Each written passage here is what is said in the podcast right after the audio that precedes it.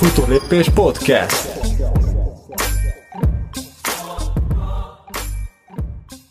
Erőt, egészséget! Őri István vagyok, futóedző, a futólépés alapítója, és ez itt a Futólépés Podcast, méghozzá a hetedik adás, hogyha jól számolom, de hogyha rosszul számolom, akkor ez már a nyolcadik.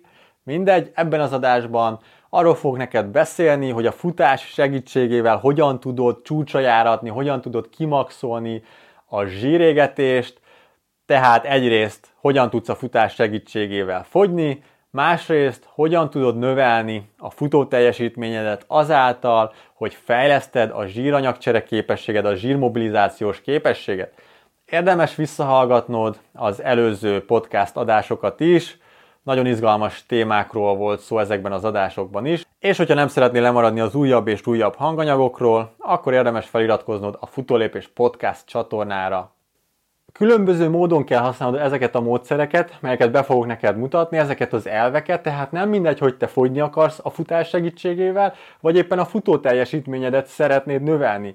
Mert attól függően, hogy mi a célod, más-más mértékben kell alkalmaznod, vagy más időben kell alkalmaznod ezeket a módszereket, máshogy kell felhasználnod a futásaid során azokat az elveket, azokat a módszereket, amiket be fogok neked most mutatni. Az egyik legnagyobb tévhit a fogyással kapcsolatban, számtalan más tévhit mellett, hogy nyáron, kánikulában, 35 fokban jól be kell öltözni, két kötött pulóver, és úgy kell kimenni futni.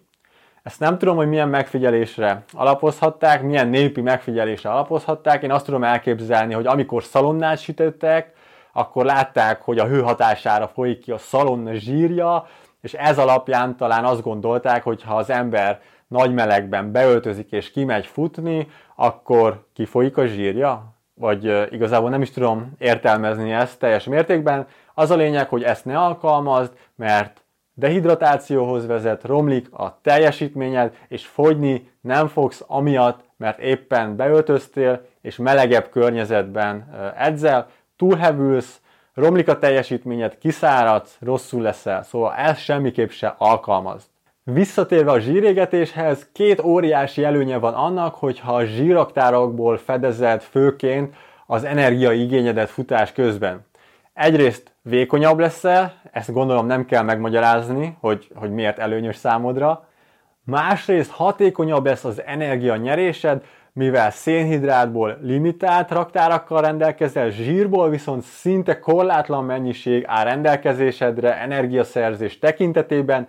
Igen, igen, még egy vékony, 55 kg-os etióp hosszú távfutónak is hihetetlen nagy zsírraktárai vannak, tehát energiaszerzés szempontjából szinte kimeríthetetlen raktárakkal rendelkezett. Amennyiben elfogy a szénhidrát, tehát kimerülnek a szénhidrát raktáraid, akkor a játéknak vége, nem tudod tovább folytatni a futást, a testedzést. Ellenben, hogyha a zsírraktáraidon múlna, akkor akár 10 ironman is végig tudnál csinálni megszakítás nélkül.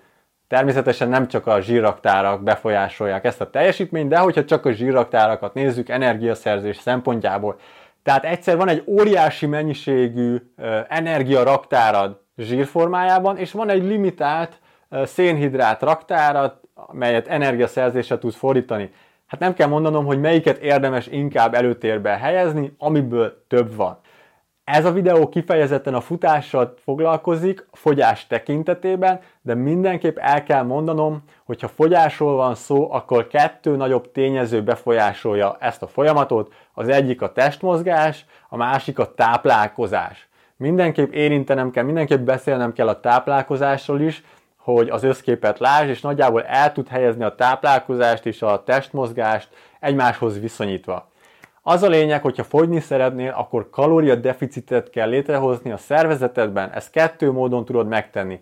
Vagy kevesebb kalóriát viszel be, mint amire a szervezetednek a napi működéséhez szükség van, vagy többet égetsz el, több kalóriát égetsz el, mint amit beviszel. Például sporttal, futással. Természetesen nem csak az számít, hogy hány kalóriát viszel be a nap folyamán, hanem az is nagyon fontos, hogy miből viszed be ezt a kalória mennyiséget, milyen makrotápanyagokból, ugye szénhidrátok, fehérjék, zsírok, és az sem mindegy, hogy ezek milyen, ezeket milyen minőségben. Tehát nem mindegy, hogy egyszerű cukrok, vagy összetett szénhidrátok, nem mindegy, hogy telített zsírsavak, vagy többszörösen telítetlen zsírsavakból viszed be, és így tovább, és így tovább. Ebben a videóban erről nem fogok beszélni, mert nem vagyok sportdietetikus, és ez nem az én szakterületem. Én kifejezetten a futással fogok ebben a videóban foglalkozni, csak mindenképp szerettem volna megemlíteni ezt is hogy beviheted a napi kalória mennyiséget három zacskó gumicukorból is, ami lássuk be, hogy kalória, kalóriaszámban lehet, hogy fedezi a napi bevitelt, viszont az egészségednek így nem igazán tesz jót. De beviheted az adott kalória mennyiséget összetett szénhidrátokból, zöldségekből, gyümölcsökből, húsokból, teljes körlésű gabonatermékekből, ami egy teljes körű, kiegyensúlyozott, vegyes táplálkozásnak megfelel. Amikor fogyásra adod a fejed, akkor szerintem érdemes csak az egyik területen reformokat végrehajtani, tehát vagy az étkezés, vagy a futás területén, mert hogyha egyszerre próbálod a két fronton megvívni a harcot, és nagy hévvel nekiállsz diétázni, nagy hévvel nekiállsz sportolni, akkor két hét múlva ott fogsz állni letoltgatjával a hűtő előtt, és zabálni fogsz. Nagyon sokan elestek már ebben a csatában, én azt javaslom neked, hogy először csak az egyiket, az egyik területen hajts végre reformokat, és utána szép fokozatosan iktasd be a másikat is. Ha rám hallgatsz, akkor inkább a táplálkozással kezded, tehát keres fel egy szakértőt, aki belövi neked a napi kalóriamennyiséget, a napi kalóriadeficitet, egy fenntartható diétát kell folytatnod, tehát azzal semmire nem mész, hogyha lecsökkented napi 1500 kalóriával az eddigi bevitelt, mert azt nem fogod sokáig bírni, legyengül a szervezeted, megbetegszel, megsérülsz, inkább legyen csak 500 kalóriányi a deficit, de az hosszú távú, hosszabb, hosszabb távon fenntartható legyen. Ez a legfontosabb, hogy hosszú távon fenntartható legyen. És hogyha ez már megvan, akkor utána érdemes a sportot is beiktatni, vagy közben beiktatni a sportot. Azért gondolom, hogy először a táplálkozással kezd, mert futhatsz bármennyit a nap folyamán, tényleg akármennyit futhatsz, ha egyszerre, egyszerűen több kalóriát viszel be, mint amennyit elégetsz a nap folyamán, akkor nem fogsz fogyni, akkor még rendszeres futás mellett is képes vagy hízni, Amennyiben a futó teljesítményedet szeretnéd növelni, tehát nem kimondottan a fogyás az elsődleges cél, akkor három iszonyatosan nagy előnyöt származik abból, hogyha azért ledobod azt az 1-2-3-4-5 kg felesleget a zsíraktáraidból. Először is kevesebb súlyt kell cipelned futás közben, gondolom nem kell bemutatni, hogy ez miért jó, például egy hosszabb távú versenyen, egy félmaratonon, maratonon, ha mondjuk 5 kg-mal kevesebb eh, súlyt kell végig cipelned.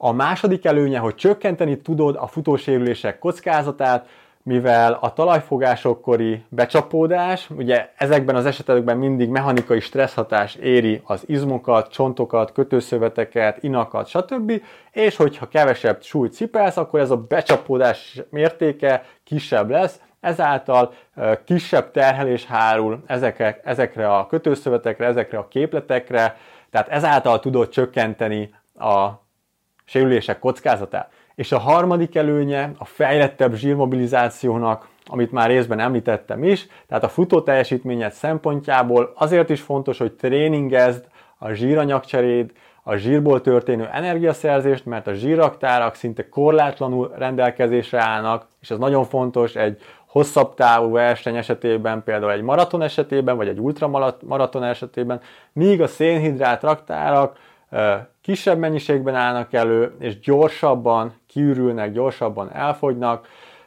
Természetesen versenyek közben frissíteni is lehet, de hidd el, hogy nem tudsz olyan mértékben utántölteni, nem tudsz olyan mértékben bevinni szénhidrátot, hogy ezek a raktárak nem merüljenek ki egy hosszabb verseny alatt.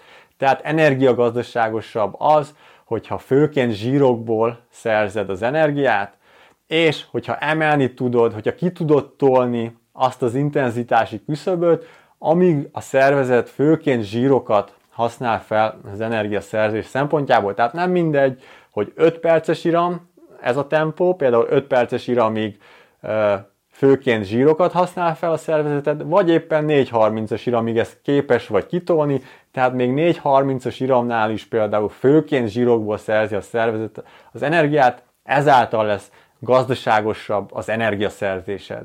Azt mindenképp szeretném még leszögezni, hogy nem létezik olyan, hogy csak szénhidrátból történő energiaszerzés, vagy csak zsírsavakból történő energiaszerzés. A szervezet mind a kettőt felhasználja egyszerre, csak éppen azt fogja meghatározni, hogy melyiket túl, túlnyomó többségben, hogy éppen milyen intenzitáson edzel. Minél intenzívebben edzel, annál inkább a szénhidrátokhoz fog nyúlni, és minél alacsonyabb ez az intenzitás, annál inkább a zsírokat fogja felhasználni a szervezeted. Elmondható továbbá, hogy nyugalmi helyzetben, tehát most, ahogy én itt ülök, a testem főként zsírokból szerzi az energiát. Viszont mivel nem, nem olyan nagy az energiaigény ennek az üldögélésnek itt, meg annak, hogy itt beszélek, ezért nem is lesz olyan nagymértékű ez a zsírégetés. De az a lényeg, hogy nyugalomban főként zsírt éget a szervezet. Futás közben is megfigyelhető az az intenzitás, amikor a test főként zsírokból szerzi az energiát. Például előfordulhat, hogy egy nagyon laza kocogás, alacsony púzussal történő kocogás közben az energiaigénynek a 75%-át zsírsavakból fedezi a szervezet, és a maradék 25%-át pedig szénhidrátokból. És ahogy növelnéd mondjuk az intenzitást, tehát egyre gyorsabban futsz, egyre magasabb pulzussal, úgy változna a szénhidrát és a zsírok aránya az energiaszerzésben, amellett, hogy természetesen több kalóriát is égetnél, mivel megemelted az intenzitást. És eljönne az a pont, amikor a szervezet már főként szénhidrátokat éget a zsírokkal szemben. Tehát neked azt az intenzitást kell megtalálnod futás közben, amikor a zsírégetésed a plafonon van, tehát a maximális hatékonysággal égeted a zsírt. És ezt hívják Fat Max zónának, amiről későbbiekben még beszélni fogok. Azt mindenképp érdemes látni, hogy az az intenzitás, amin a legnagyobb arányban égeted a zsírsavakat a szénhidrátokkal szemben, az nem az az intenzitás, amin a zsírmobilizációdat, a zsíranyagcserédet ki tudod maxolni. Tehát ahol ezt a kapacitást, ezt maxra járatod. Tehát a két intenzitás között nagyon nagy különbség van. De ezt be fogom mutatni neked mindjárt egy példával is. Tegyük fel, hogy végzed a futóedzésedet olyan intenzitáson, hogy óránként 400 kalóriát égetsz el. Ez egy alacsony intenzitású futóedzésed, óránként 400 kalóriát égetsz, és ennek a 400 kalóriának a 75%-át a tested, a szervezeted zsírsavakból fedezi, ez nem, már, ez nem több és nem kevesebb, ez pontosan 300 kalóriát jelent. Tehát a 400-ból 300 kalóriát a szervezeted a zsírokból fedez. A másik maradék fennmaradó 100 kalóriát pedig a szénhidrátok égetésénél, vagy égetésével. Viszont egy ugyanilyen edzés esetében, hogyha emeled az intenzitást, tehát gyorsabban futsz, vagy magasabb pulzussal, akkor növekszik a szervezet energiaigénye, ami azt jelenti, hogy óránként már nem 400 kalóriát éget el, hanem óránként 750, tehát 750 kalóriát óránként. Na most ez a megemelkedett energiaigényt úgy fogja fedezni a szervezeted, hogy már nem 75%-ban zsírokban, vagy zsírokból, hanem már csak 60%-a lesz zsírokból fedezve. És a másik 40% szénhidrátokból. Ha most kiszámolod, hogy a 750 kalóriának a 60%-a mennyi, ez pontosan 450 kalória, akkor látható, hogy annak ellenére, hogy csökkentek az arányok, tehát csökkent a zsírok aránya, mégis az intenzitás növelése miatt több kalóriát égetsz el óránként, mint amikor alacsonyabb intenzitáson futottál. Tehát megfigyelhető, hogy az energia többletet, amire szüksége van a szervezetednek, azt olyan arányban biztosította, hogy 200 kalóriát szénhidrátokból és 150 kalóriát zsírokból. Erre utaltam az előbb, hogy az az intenzitás, amin a legnagyobb arányú a zsírégetés, az nem ugyanaz az intenzitás, mint amin ki tudod maxolni a zsírégetési kapacitásodat. Tehát ezt a különbséget mindenképp látni kell, hogy megértsd, hogy működik a szervezeted. Azt hozzá kell tennem mindenképp, hogy ez aerob zónában történik, tehát megfelelő mennyiségű oxigén van jelen a szervezetben, ahhoz, hogy energiát tudjon előállítani. Ahogy növeled az intenzitást, egyre, egyre gyorsabban futsz, egyre magasabb pulzuson, ez változni fog, és eljön majd a pont, amikor már főként szénhidrátokat éget a szervezeted, most csak mondok valamit, 60% szénhidrát, vagy 70% szénhidrát, a többi pedig zsírok, mivel már gyorsan kell energiát szerezni, ezért a szervezet a szénhidrátokhoz fog nyúlni, mert azokból gyorsabban tud energiát nyerni. És igazából neked ezt a képességet kell tréningezned az edzéseid során, hogy fejleszteni tud a zsírmobilizációs képességet, tehát azokat az enzimatikus anyagcsere folyamatokat kell folyamatosan tréningezned, melyek által hatékonyabban tud a szervezeted elő, energiát előállítani zsírokból. És ez majd abban fog megnyilvánulni, hogy ki tudod tolni azt az aerob intenzitást, mondjuk az 5 perces iramról a 4.30-asra, vagy a 4.15-ösre, tehát ki tudod tolni ezt az intenzitást, amit a szervezetet képes megoldani zsíranyagcseréből, tehát főként zsírok égetésével. Érdemes elolvasnod a témához kapcsolódó blogbejegyzést, melyet megtalálhatsz itt a leírásban, mert könnyen előfordulhat, hogy valamit elfelejtek, nem mondok el, kihagyok, viszont itt a blogbejegyzésben írott formában sokkal részletesebben megtalálod. Szóval irány a blog, és olvasd el ott is ezt a tartalmat. Említettem már a videó elején, hogy meg kell találnod azt az intenzitási zónát, azt az intenzitási tartományt, amin ki tudod maxolni, amin csúcsa tudod járatni a zsíranyagcserédet, tehát a zsírmobilizációt, kapacitását tudod teljes mértékben kihasználni, és ezt hívják Fatmax zónának. Na most ez a Fatmax zóna, ez meglehetősen egyedi, Haladófutók esetében ez a maximális pulzusnak a 70-75%-a között található, míg kezdőfutók esetében a maximális pulzus 60-65%-a körül figyelhető meg ez a Fatmax zóna. Viszont ez tényleg nagyon egyedi, nagyon egyéni, Szóval lehet, hogy te kezdő futó vagy, és lehet, hogy nálad 55% lesz, vagy a maximális pulzusod 55%-án lesz ez a Fatmax tartomány, vagy az 50-től az 55-ig, vagy az 55-től a 62-ig, szóval ez teljesen egyedi, viszont egy megközelítésnek mindenképp jók ezek a számok. Az is tudod kell, hogy két teljesen ugyanolyan edzettségi állapotban lévő futónál is lehet különböző ez a Fatmax intenzitási tartomány.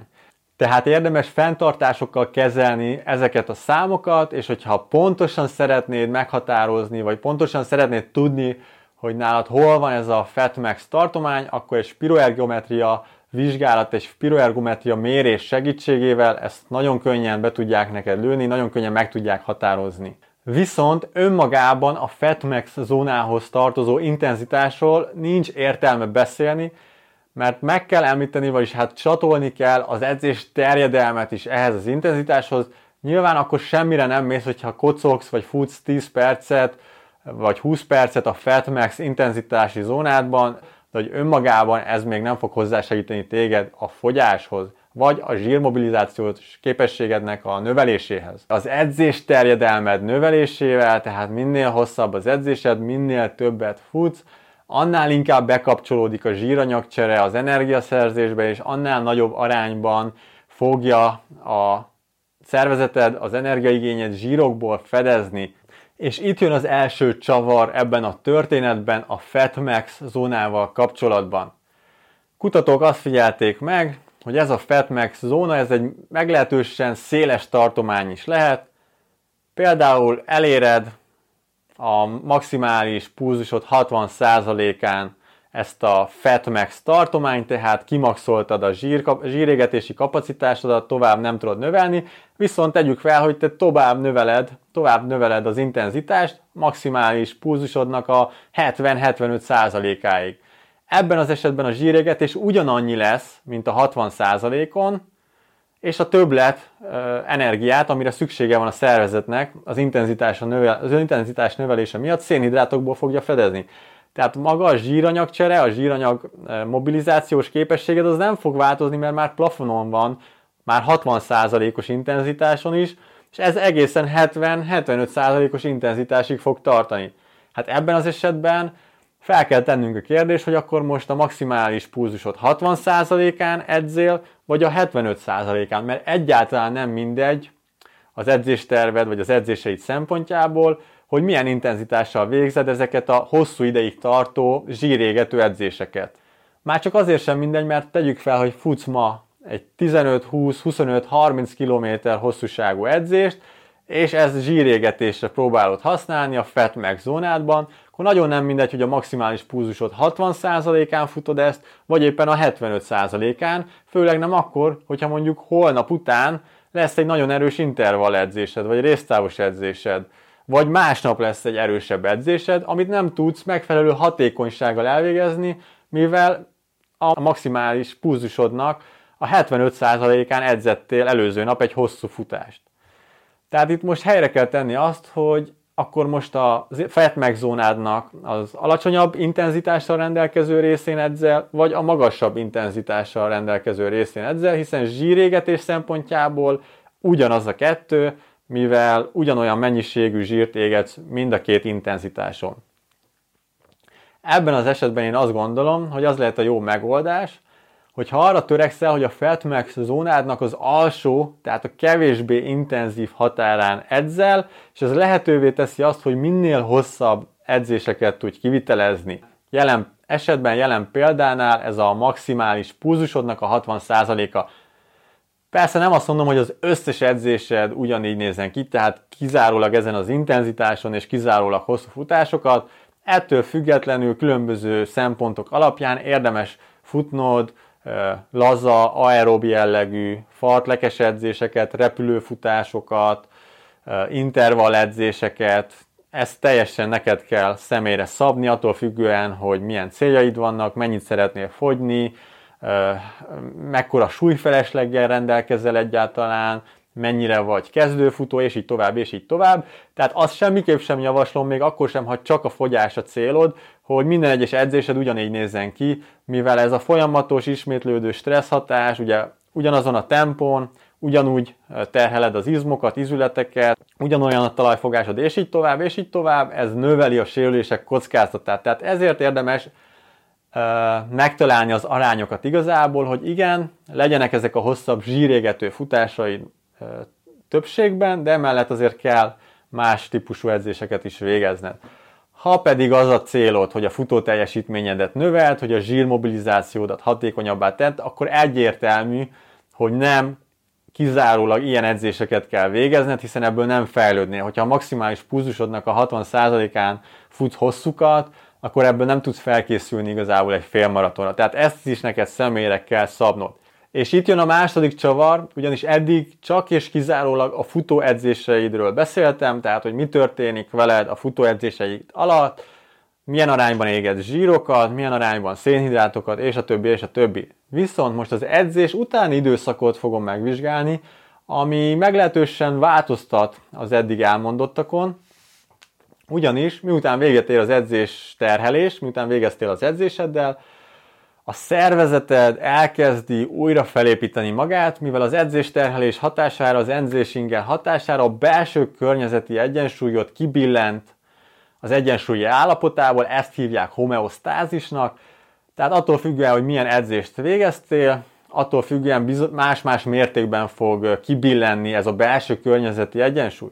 És ezekhez a restitúciós, helyreállító folyamatokhoz energiára van szüksége. Tehát megfigyelhető, hogy az edzésterhelés után a szervezetnek továbbra is van egy megnövekedett energiaigénye.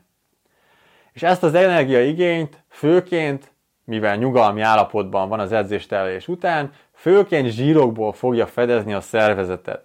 És most jön egy nagyon fontos adat, ez a megemelkedett energia igénye a szervezetednek az edzésterhelés után, amit ugye főként zsírokból fedez, ez akár 24-48 órán át is fennállhat az edzésterhelés megszűnése után.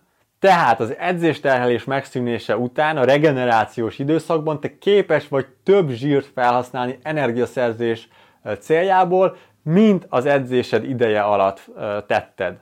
És most fel kell tenned azt a kérdést, hogy mitől tudod hatékonyabbá tenni ezt a utózsírégető hatást, mert ez a becsületes megnevezése, utózsírégető hatás, vagy utólagos zsírégetési effektus. Tehát most azt kellene feltenned kérdésnek, hogy hogyan tudod hatékonyabbá tenni, hogy még több zsírt égessen el, még nagyobb legyen az energiaigénye a szervezetednek az edzésterhelés megszűnése után. Arra van szüksége ez a nagyobb mértékű belső környezeti egyensúly felbomláshoz, hogy intenzív edzéseket végez. Tehát itt van a dupla csavar a történetben, hogy míg az előbb lezárhattam volna az egész sztorit azzal, hogy végez terjedelmes, tehát hosszú edzéseket, aránylag alacsony intenzitáson, ugye a fat megzónádnak az kevésbé intenzív tartományában. Most azt mondom, az utózsírégető hatás miatt, hogy intenzív edzéseket kell végezned, mert ezáltal tudod igazából hatékonyabbá tenni ezt az utózsírégető hatást. Tehát ezért érdemes megtalálni az arányokat igazából, hogy igen, legyenek ezek a hosszabb zsírégető futásaid többségben, de emellett azért kell más típusú edzéseket is végezned. Na hát ennyi lett volna ez a kis rövidke podcast adás a zsírégetésről. Remélem, hogy hasznosnak találtad és tetszett. Érdemes visszahallgatnod az elő, előző adásokat is, és iratkozz fel a podcast csatornára, hogy ne maradj le a legújabb részekről. További sok sikert kívánok neked a futásaidhoz, és tartsd a futólépést továbbra is. Futólépés podcast. Tartsd a futólépést!